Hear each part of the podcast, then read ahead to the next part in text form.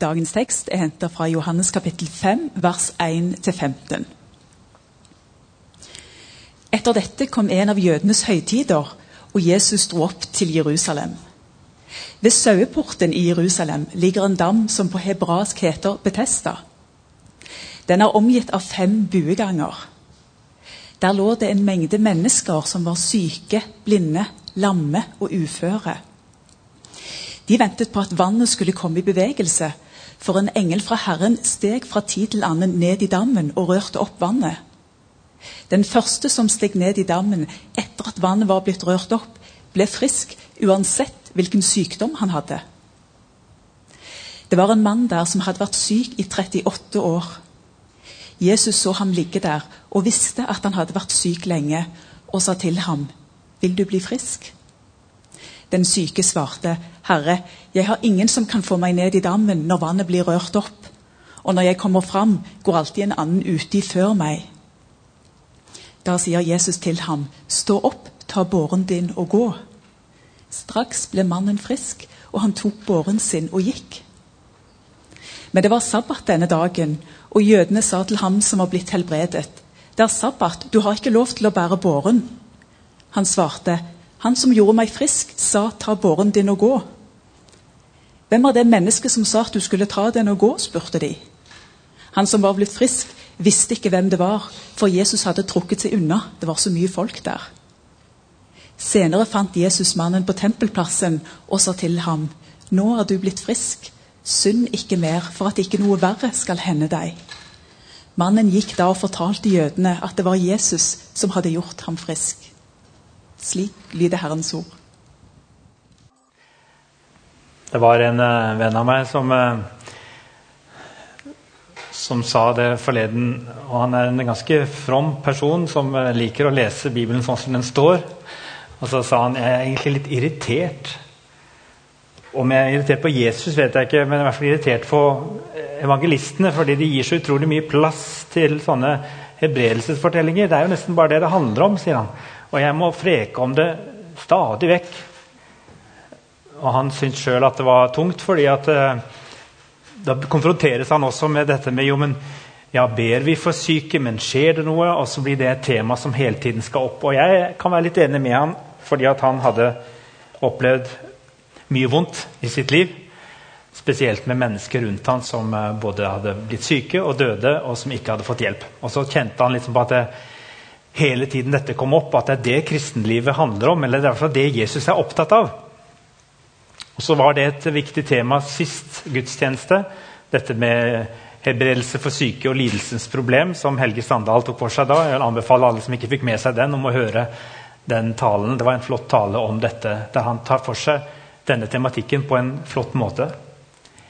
Jeg har også snakket om dette før, på forskjellige måter, så hovedpoenget mitt i dag skal ikke handle om, egentlig om helbredelse for syke og tematikken rundt det. Jeg lar det ligge litt. Det eneste jeg har lyst til å si, er at eh, hvis folk spør oss i vår menighet om vi ber for syke, så sier jeg ja med stor frimodighet, for det gjør vi. Stadig vekk blir vi invitert hjem til folk, og vi tar også folk imot på kontoret. Og bønn er en naturlig del av det. Og når folk ønsker, så ber vi. Og Vi opplever også at mennesker blir friske. Jeg kan aldri forklare hvorfor noen blir det, og noen ikke blir det. Men Johannes evangeliet er litt spesielt når det skriver om disse tingene. fordi at eh, Johannes han sier mot slutten i kapittel 20, altså evangelisten som skriver, han sier Jesus gjorde også mange andre tegn for øynene på disiplene, tegn som det ikke er skrevet om i denne boken. Men disse er skrevet ned for at dere skal tro at Jesus er Messias, Guds sønn, og for at dere ved troen skal ha liv i hans navn.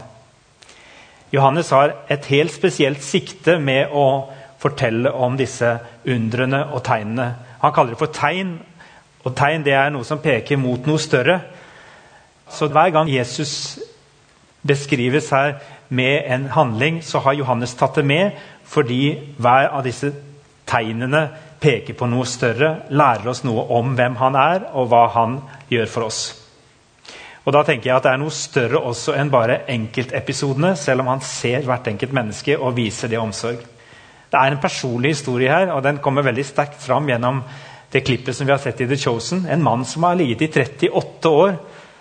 Vært syk i 38 år. Vi vet ikke om han er 38 år, om han er født med en invaliditet, eller om han har fått det seinere. Her framstilles han kanskje noe eldre. Men han har satset alt på ett kort, og det er å ligge der ved denne dammen. Vi skal komme litt tilbake til den, hva det handler om. Men eh, vi aner en skjebne som Jesus ser, og vi aner omsorg konkret for det mennesket. Og det skal vi ta med oss. Og så aner vi også at når det er med her i evangeliet, så har det også en dypere betydning. og Derfor så trenger vi å si handler om noe mer enn bare det å bli helbredet for sykdom. Og det tror jeg det gjør. Og Da må vi se litt på eh, denne plassen, Betesta-dammen. Det er ikke alt det vi får helt klart fram gjennom bare å lese teksten. men eh, noen sa gjennom eh, århundrene, spesielt når de begynte å bli litt kritiske sånn på, på 1800-tallet, og mente at det aller, aller meste som sto i evangeliene, var skrevet lenge etter at eh, Jesus hadde levd, og det var myter og legender som var blitt kommet på lenge etter. og Det var ingen av de som var til stede og så det, som skrev det ned. Det var en av liksom, mytene som kom, eller påstandene som kom med en del sånn bibelradikal forskning på 1800-tallet. Og En av de tingene man sa for eksempel, var at man kan jo aldri ha sett for seg at det var noe sted i Jerusalem med en sånn form for dam og fem søyleganger. Det hadde man aldri sett. Og så vil man nevne det da, at eh, så begynner man jo å gjøre utgravninger i Jerusalem. Og da finner man flere slike dammer. Man finner Siloa-dammen og man finner Betesta-dammen. Og Det er litt spennende hvordan arkeologien etter hvert begynner å bekrefte at uh, Veldig mye av det som står, det må ha skjedd. Eller det er gjengitt på den måten som det historisk var på den tid. Så vi blir minnet om at dette er ikke bare myter og legender om guder som har kommet ned og tatt bolig blant oss, som vi ser i andre religioner. Nei, Evangelistene er i hvert fall veldig opptatt av at det de snakker om, det er hendelser som har skjedd med vanlige mennesker i deres tid. Og de var øyenvitner til det. Og De tar med noen av episodene for å fortelle noe om hvem Jesus var, gjennom det han hadde gjort. Jeg var der for noen år siden sammen med Elin mens vi studerte. og da var, da var, de opptatt av å vise oss disse dammene. og De var jo opprinnelig lagd sannsynligvis fordi at eh, man skulle ha en trygg tilførsel av vann fra utsiden hvis man ble beleiret i Jerusalem. og I begynnelsen så lå disse dammene ikke inne i selve bykjernen, men så ser man for seg at eh, i, forbindelse med Herodes Antipas og hans utbygninger i dette århundret da Jesus lever, så har man føyet disse dammene innenfor bymuren, og de har fått nye funksjoner. Og så vet vi også at eh, Når de har gravd ut disse, her, så ser de også at det har vært en, senere var det en kirke over. Men det er også spor av annen form for eh, religiøs virksomhet som kanskje ikke nødvendigvis var jødisk. At dette hadde blitt til gresk-romerske kultus. Fordi Vi vet jo at romerne hadde tatt over og preget Jerusalem og bybildet. Og de har antageligvis da tatt i bruk en av disse dammene med disse søylegangene mellom de to dammene til et uh, helbredelsessted.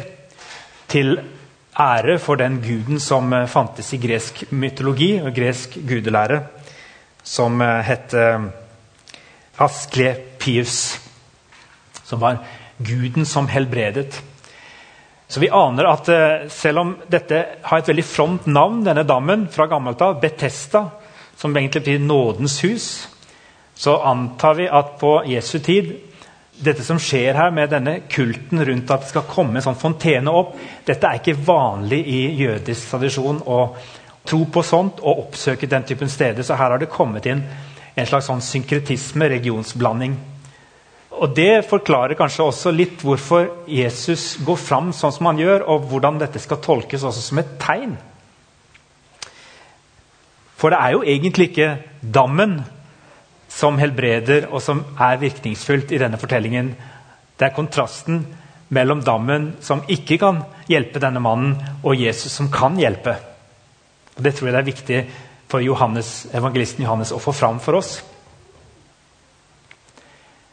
Teksten sier ikke så veldig mye om det var rett, om det skjedde noe fysisk eller mirakuløst med disse menneskene som kom først ned i vannet. Den sier at det var det som var troen, at man ble frisk hvis man kom først ned i vannet.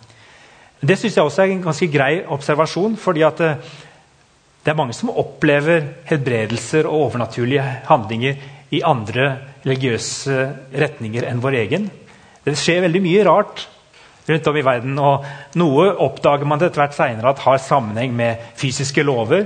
Med at man kunne noe om helse og forskjellig også i gammel tid. Og så etter hvert så oppdager man at det var helsebringende ting i andre tradisjoner. Men noe av det er jo reinspikka tilbedelse og overtro, som også har elementer av hjelp. Og Det er derfor mennesker blir ved det år etter år, for man tror at her er hjelpen å finne. Så at det kunne skje noe der med denne kilden som plutselig kommer opp, var det bare et naturfenomen, eller var det også sånn at noen faktisk ble hjulpet av dette? Ja, det vet vi egentlig ikke, men det kan godt hende. Det vi vet, er at dette var en slags olympiade i det å få hjelp, eller det å komme først, for disse som var syke. Og Derfor var det en grusom form for tro. For det handlet om hvem som klarte å komme først nedi. Det handlet om hvem som hadde noen til å hjelpe seg. Og det handlet om dypest sett om en konkurranse der noen var vinnere og noen var tapere. Og denne mannen han var en av taperne.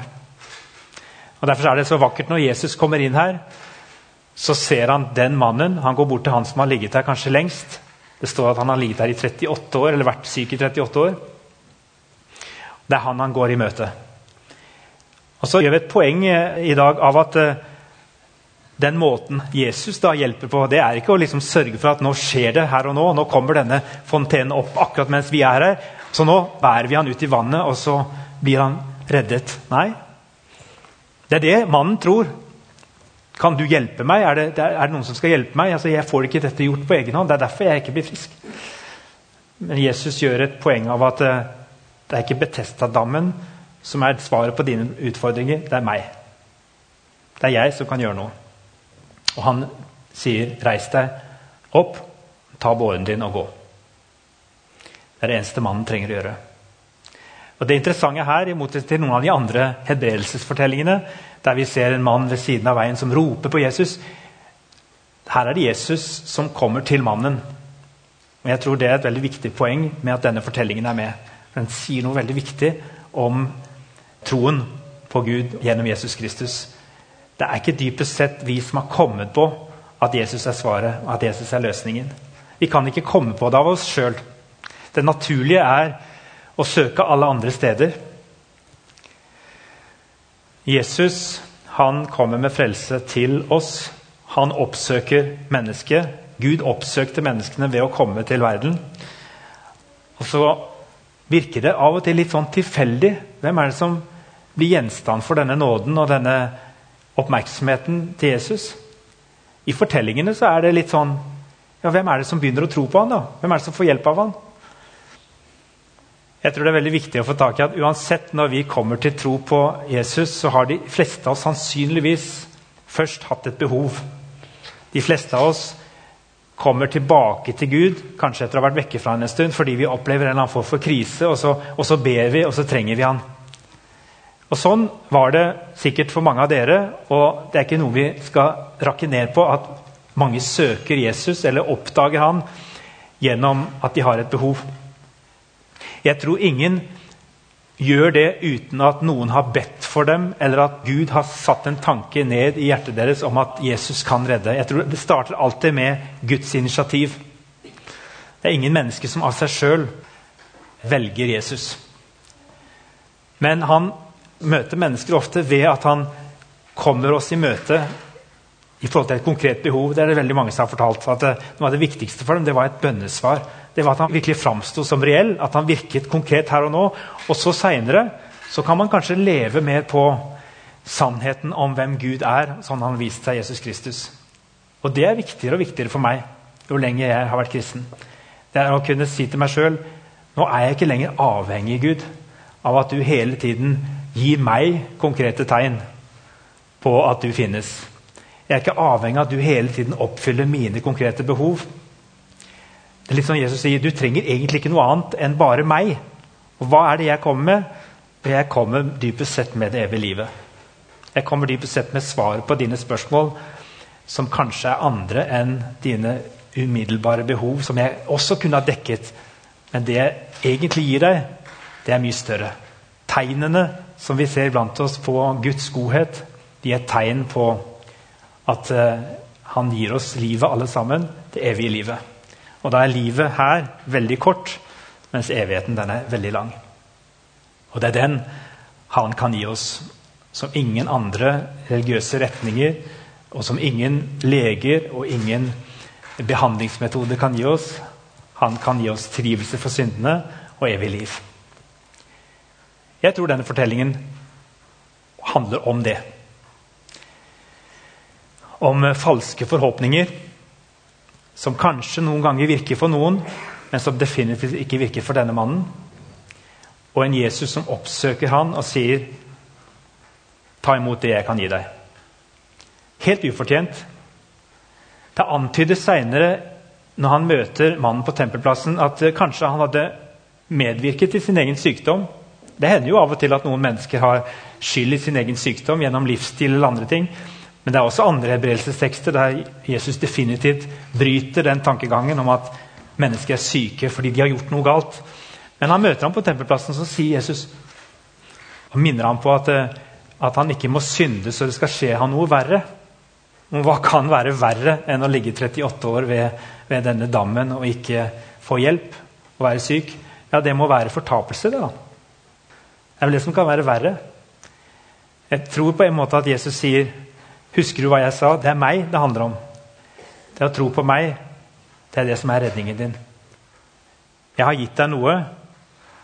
Nå har du sjansen til å fortsette leve i fellesskap med meg. Og da vil det ikke skje noe verre. Men jeg tror han snakker om, om eh, det store spørsmålet i livet. Så hvordan forholder vi oss til en sånn uh, fortelling? Ja, vi lovpriser Gud fordi at uh, han har kommet oss i møte ved Jesus Kristus. Og vi vet at Jesus han kan gjøre alt det vi ønsker. Han kan uh, oppfylle alle våre drømmer, alle våre ønsker, alle våre behov. Men uh, dypest sett så betyr det veldig lite hvis ikke vi tar imot Han som Herre og Frelser. Det står ingenting i denne fortellingen hvordan det gikk med mannen om han ble en del av disippelflokken. Snarere så står det at mannen veldig fort eh, prøvde å snakke seg ut av at eh, han hadde båret denne sengen bort på sabbaten. For det ble han jo kritisert for av eh, fariseerne de skriftlærde. Hvorfor bar du sengen bort på sabbaten? Det er jo helt absurd. Men istedenfor å si det betyr da ingenting, for Jesus har frelst meg, så finner han ut hvem det var som gjorde dette, og så, og så går han tilbake til fariseeren og sier det var, det var han som gjorde det. Og jeg, jeg lurer litt på, Er det fordi at han ville takke religiøse lederne og si jeg har fått opplevd det helt utrolige, eller var det rett og slett fordi at han eh, ville nærmest forsvare seg sjøl og peke på Jesus som den skyldige? nær sagt? Fordi det var så alvorlig at han hadde båret denne sengen på sabbaten. Det framstilles her som et veldig alvorlig brudd på lovene. Jeg er litt usikker på hvor det ble av denne mannen. Om det at han ble frisk, var nok til at han skjønte at han måtte følge Jesus. Det får vi aldri svar på. Men eh, vi får svar på at Jesus gjorde det klart at eh, han er Gud. Han hadde makt til å gjøre det han gjorde. Når eh, Gud arbeider på sabbaten, for det gjør han jo Når Gud skaper alle dager i uka, så kan selvfølgelig Når far gjør det, så kan jeg gjøre det, sier han. For vi arbeider sammen. Og da gjør han seg selv til Guds sønn, og det er en av disse tegnene som eh, leder til korsfestelsen senere. Han plasserer seg i Guds sted. Det er gudsbespottelse, sier de fariseerne og de skriftlærde. Og litt seinere så blir han tatt av dage. Fordi han sier at han er Jesus, Guds sønn, Messias. Han er herre over sabbaten. Han er den som de trenger for å kunne tro. La oss be. Herre, vis oss hva det betyr at uh, du kommer oss i møte nesten før vi har tenkt på det engang. Tenkt at uh, det var du som kunne ha redningen for oss. Takk for at uh, kristendom ikke er en konkurranse i å komme først noe sted, men at det er du som har kommet oss i møte. Jeg ber om at vi kan eh, ta med oss det i, eh, i møte med andre mennesker som er rundt oss, som også søker alle mulige steder, og som kanskje kjenner på et eh, mas og et stress etter det å, å få oppfylt både sine fysiske og sine åndelige behov, og tenker at det handler om at de ikke har gjort nok enda. At de ikke har vært tidlig nok ute, eller at de ikke har de rette folka på laget. Eller på å holde fast på at eh, vi bare peker på deg. Det er ingen av oss som kan verken føre mennesker til frelse, og det er ingen andre enn deg som kan eh, gi oss evig liv. Og det kan vi bare ta imot, akkurat som denne mannen som tok imot helbredelsen. Vis oss hva det betyr i våre liv. Amen.